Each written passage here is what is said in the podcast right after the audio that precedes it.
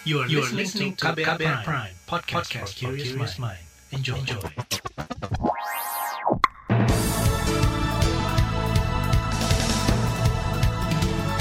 Selamat pagi saudara, senang sekali kami bisa menjumpai Anda kembali melalui program Buletin Pagi edisi Selasa 14 September 2021.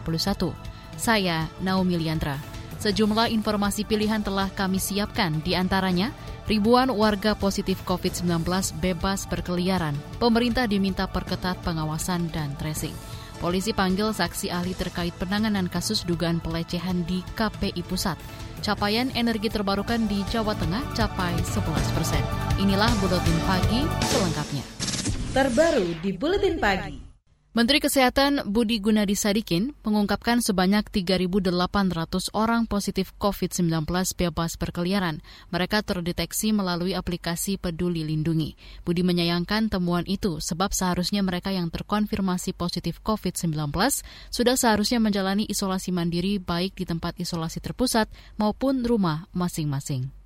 Surprisingly tetap aja ada 3.830 orang yang masuk kategori hitam hitam itu artinya positif COVID, tapi masih jalan-jalan, ya masih masuk mall 3.000 orang, masih juga ke bandara 43 orang, masih naik kereta juga 63 orang, masih masuk restoran 55 pada orang-orang ini adalah orang-orang yang sudah teridentifikasi positif COVID yang harusnya stay di rumah atau di isolasi terpusat di karantina.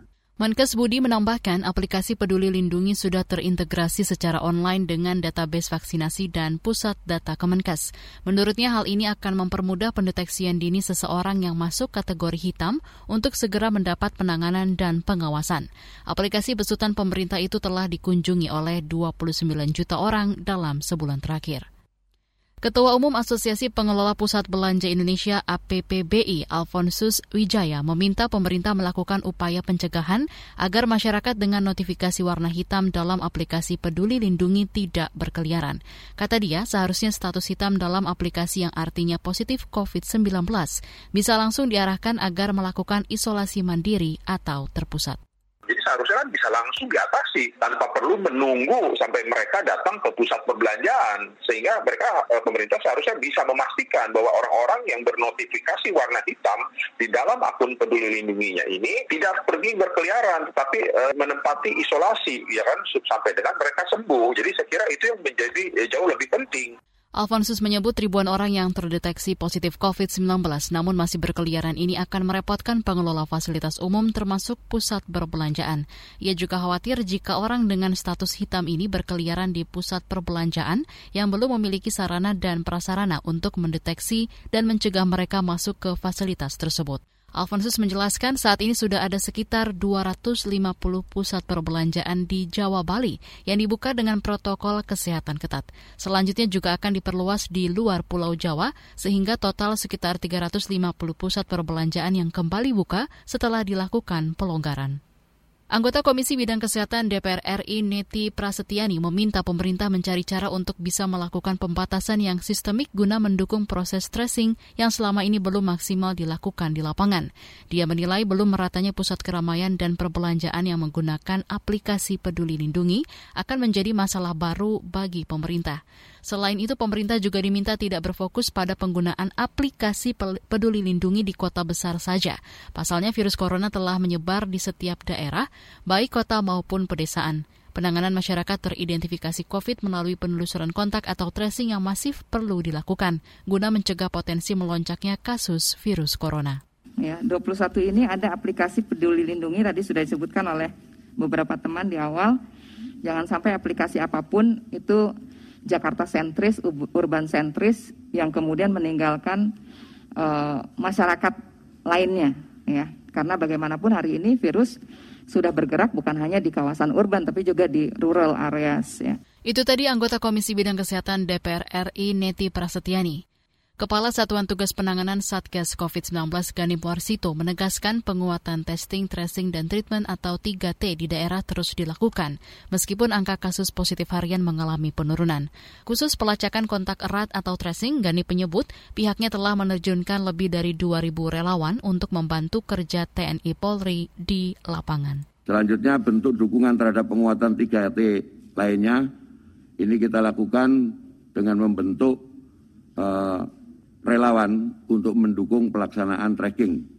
Kita sudah memberikan dukungan tracer sejumlah 2.117 orang.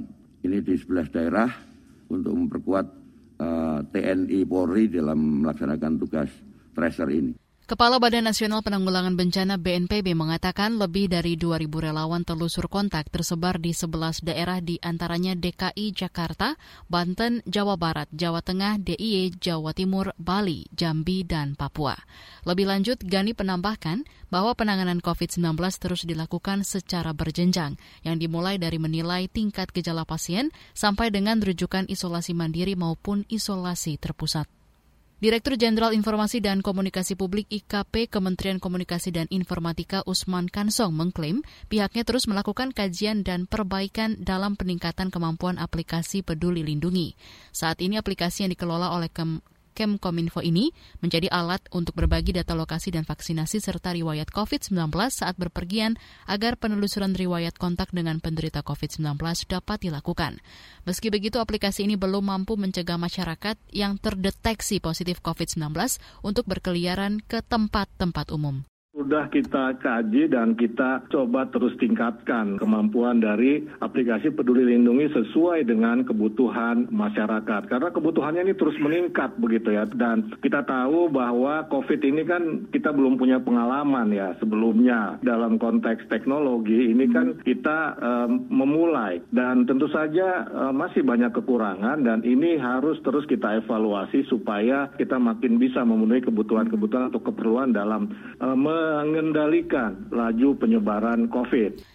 Itu tadi Direktur Jenderal Informasi dan Komunikasi Publik IKP Kementerian Komunikasi dan Informatika Usman Kansong.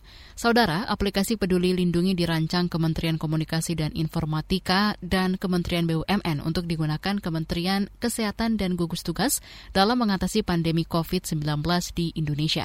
Aplikasi ini mengandalkan partisipasi masyarakat untuk saling membagikan data lokasi ataupun vaksinasi dan riwayat COVID-19 saat bepergian agar penelusuran riwayat kontak dengan penderita COVID-19 dapat dilakukan, sehingga dapat menghentikan penularan COVID-19 di Indonesia. Polisi layangkan surat pemanggilan pemeriksaan Kalapas kelas 1 Tangerang. Informasi selengkapnya hadir sesaat lagi. Tetaplah di Buletin Pagi KBR. You're listening to KBR Pride, podcast for curious mind. Enjoy!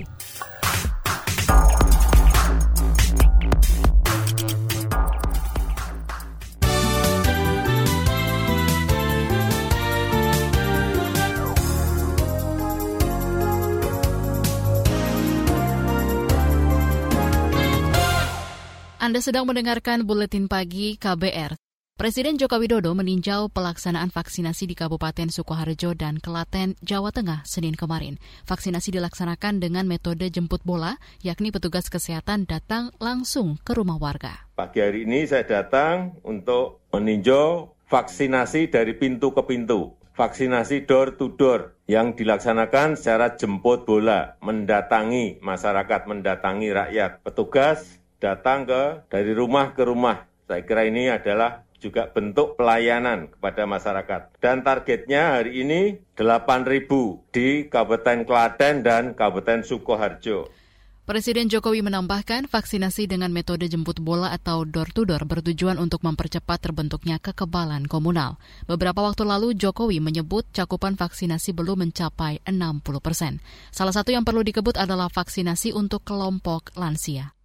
Pengoperasian pos lintas batas negara di Sota Merauke, Papua, diakini bakal menciptakan sentra-sentra ekonomi baru.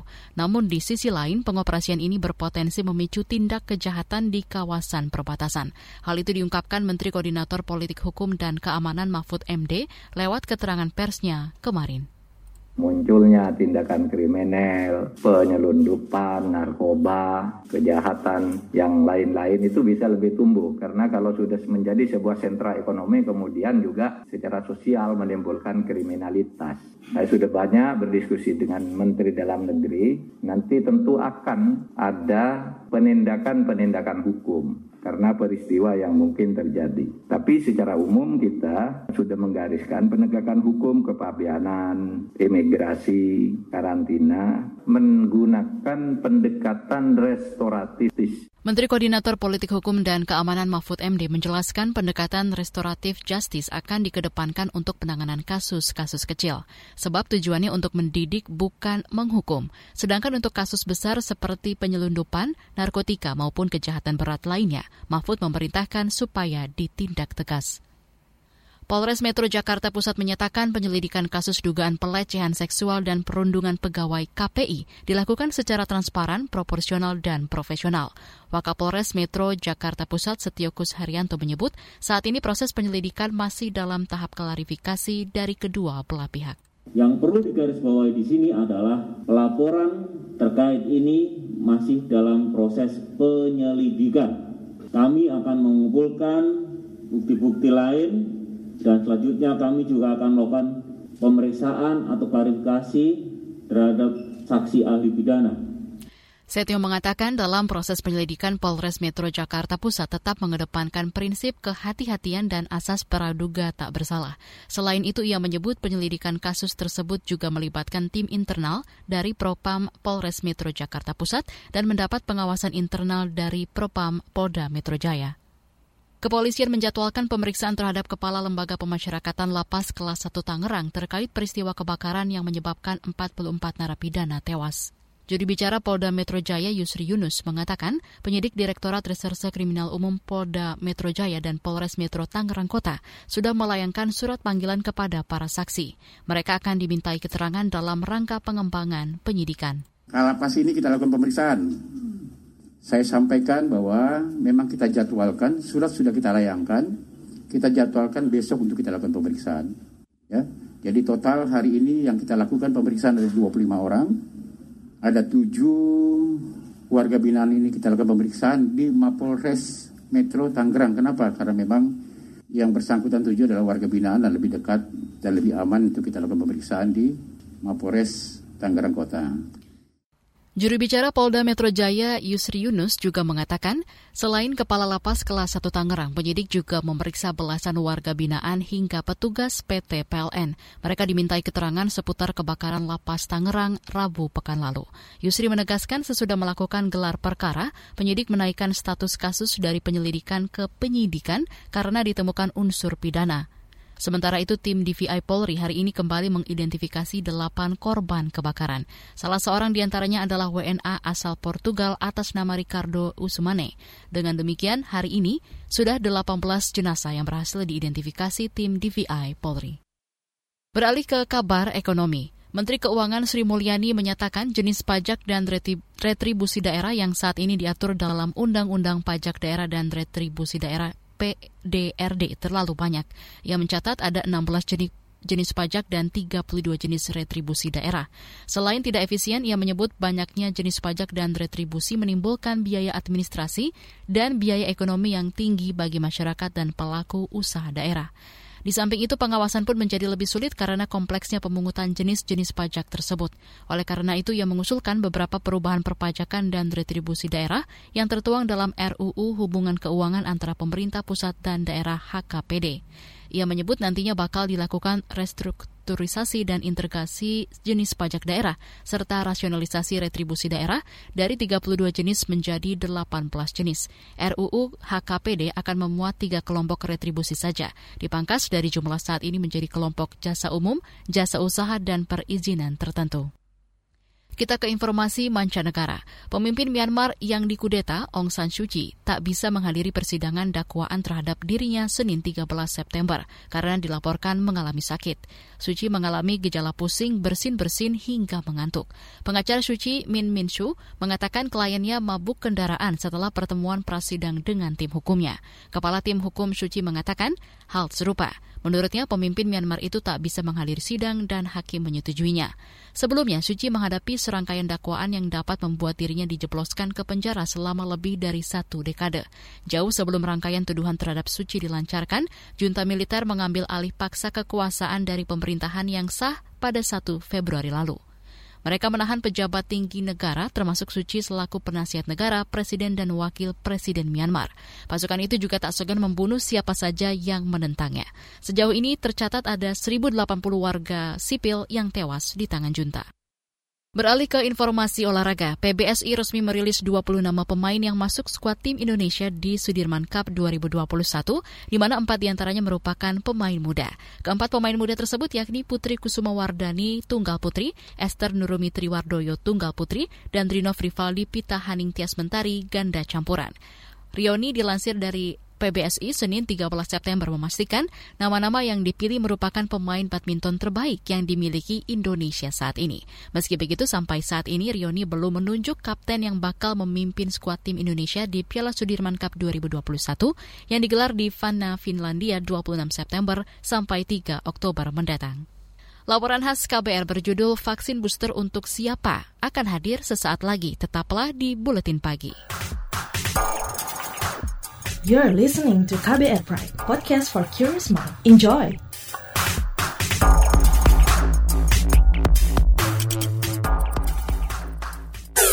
Commercial break. Ada kesedihan, air mata, dan trauma. Namun ada juga gelak tawa, bahagia, dan rasa bangga. Cerita kehidupan manusia adalah perjuangan dan pembelajaran. Pertanyaan dibalik itu secara psikologi, apakah dia punya niat membunuh? Kan belum tentu. Saya kaget ketika ada konflik sesama orang Madura sendiri mengatasnamakan aliran keagamaan. Sejak itu, warga Syiah harus mengungsi sampai sekarang. Untuk kehidupan saya pada waktu itu aja nggak menentu kan. Boro-boro mikirin untuk perpustakaan gitu. Saga, cerita tentang nama, peristiwa, dan fakta. Liputan khas KBR ini telah memenangkan berbagai penghargaan nasional dan internasional. Anda sedang mendengarkan program Saga Produksi KBR. Simak di program Buletin Pagi pukul 6 waktu Indonesia Barat, Buletin Sore pukul 16 waktu Indonesia Barat, dan KBR Pagi pukul 7 waktu Indonesia Barat. Dengarkan Saga di radio jaringan KBR di Nusantara atau streaming di kbr.id. Saga juga hadir dalam bentuk podcast di kbrprime.id. KBR, inspiratif, terpercaya.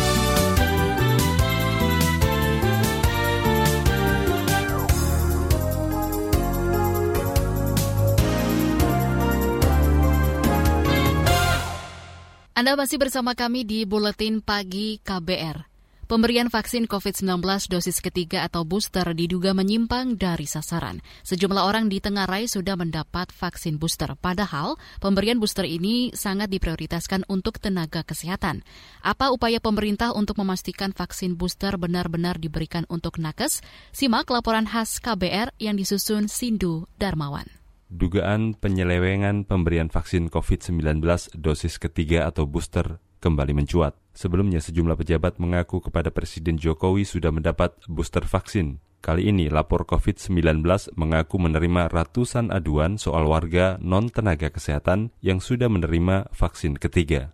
Tim advokasi laporan warga lapor COVID-19 Hanna Syakira menyebut laporan yang diterima berasal dari warga yang mengadukan tentang praktik jual beli vaksin dosis ketiga melalui poster yang dikirim lewat aplikasi pesan atau warga yang melihat orang non-nakes sudah menerima booster. Kemudian seseorang di Tangerang Selatan, seorang dokter gigi, menanyakan ke dashboard kami, chatbot kami, bertanya mengenai alur vaksinasi booster untuk tenaga kesehatan. Kemudian seseorang di DKI Jakarta, seorang nakes juga, dia sudah dia mendaftar untuk vaksinasi dosis ketiga, namun untuk di Peduli Lindungi dia tidak mendapatkan tiket vaksin.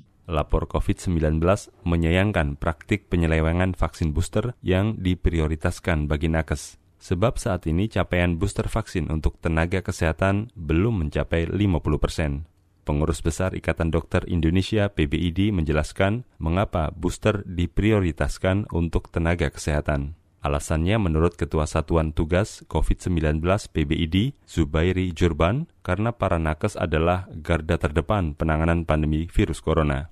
Kata dia, prioritas booster vaksin bagi nakes justru bertujuan untuk melindungi masyarakat setuju saja kalau untuk awam itu kan supaya adil. Jelas sekali saran dari WHO di situ berlaku bahwa kalau sudah divaksin dua kali sesuai target sudah 70 persen lebih, boleh saja dipikirkan booster untuk non-nakes. Jadi kalau sekarang yang vaksinasi pertama aja belum semuanya. Jadi tentu tidak adil untuk memberikan kepada non-nakes Kritik soal vaksin dosis ketiga juga disampaikan anggota Komisi Bidang Kesehatan DPR Rahmat Handoyo. Kata dia, wacana pemerintah memberikan booster bagi masyarakat umum harus dipersiapkan secara matang.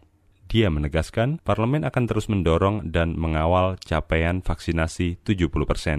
Isu ini sangat menarik, ada yang reaktif, ada yang mendukung, tetapi ini harus kita sampaikan, harus kita tanggapi karena itu sudah dari pemerintah ya, sebagai edukasi lah. Yang penting bahwa tidak boleh sebelum 70% yang gratis semuanya itu eh, belum selesai, nggak boleh. Harus selesai dulu masih banyak saudara kita, rakyat kita yang masih belum mau divaksin dan juga distribusi vaksin pun juga belum merata. Itu cari catatan. Tapi lagian toh juga masih tahun depan.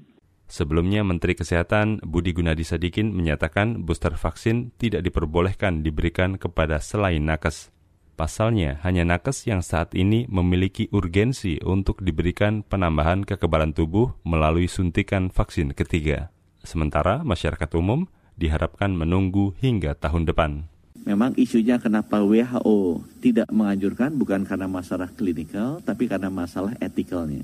Karena baru sampai saat ini, baru 58 juta rakyat Indonesia yang beruntung yang bisa mendapatkan akses untuk suntik pertama. Dan mungkin sekitar 30 juta yang mendapatkan akses suntik kedua. Dengan jumlah vaksin yang masih terbatas, mungkin akan lebih pas memang itu kita berikan kesempatan ke teman-teman kita yang even belum mendapatkan kesempatan untuk suntik pertama. Menteri Kesehatan Budi Gunadi Sadikin mengaku sudah berdiskusi dengan Presiden Joko Widodo mengenai penyuntikan vaksin dosis ketiga. Nantinya skema awal keputusan untuk pembiayaan vaksin dosis ketiga hanya diperuntukkan bagi penerima bantuan iuran atau PBI jaminan kesehatan. Saudara, booster vaksin untuk masyarakat umum menjadi sorotan publik beberapa pekan terakhir. Koalisi Masyarakat Sipil bahkan melayangkan somasi terbuka kepada Presiden Jokowi dan Menteri Kesehatan Budi Gunadi Sadikin untuk membuka data penerima booster di tanah air. Sebab sejumlah orang yang bukan tenaga kesehatan diduga sudah menerima vaksin dosis ketiga. Demikian laporan khas KBR, saya Sindu Darmawan. Salam. Informasi dari berbagai daerah akan hadir usai jeda. Tetaplah bersama Buletin Pagi KBR. You're listening to KBR Pride, podcast for curious mind. Enjoy!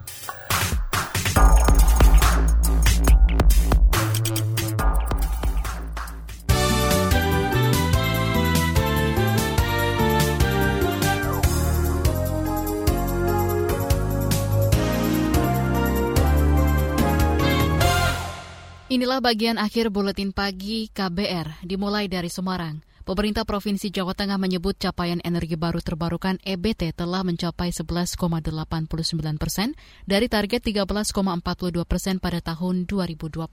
Kepala Bidang Energi Baru Terbarukan ESDM Jateng, Eni Lestari mengungkapkan sumber EBT di Jateng berasal dari hidro atau air, panas bumi, energi surya, biogas, dan bahan bakar nabati. 2020 itu sekitar 10,8 eh 11,89. Itu nanti 11,89 solar panel, panas bumi. Panas bumi ini sudah yang small scale 10 mega sudah mulai operasional, itu lumayan banyak. Kemudian biogas, biogas mbak, biogas kan juga lumayan ini. APBD saja tahun ini kita membangun 100 unit dengan uh, beragam kapasitas ya, ini ya.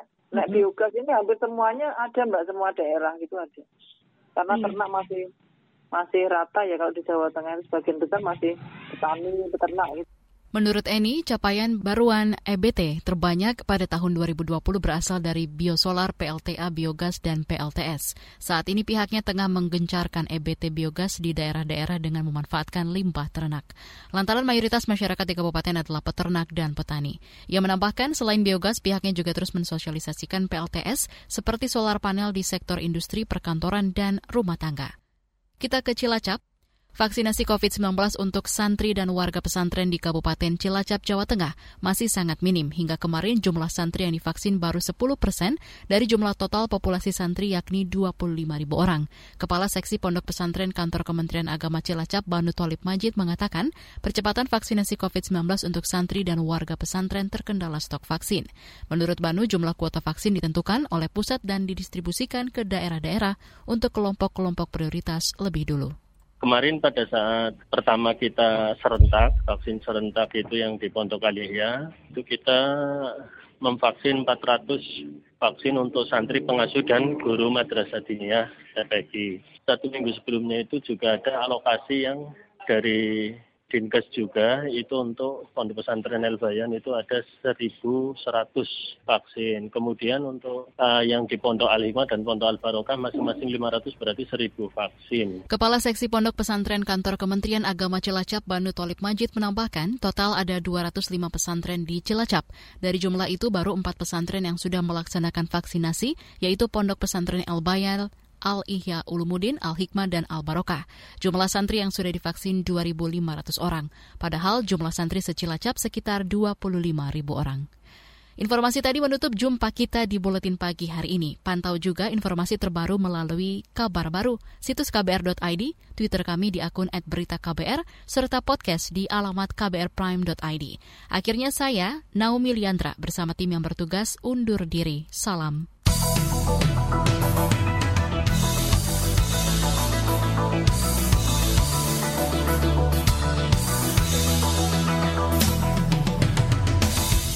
KBR Prime, cara asik mendengar berita. KBR Prime, podcast for curious mind.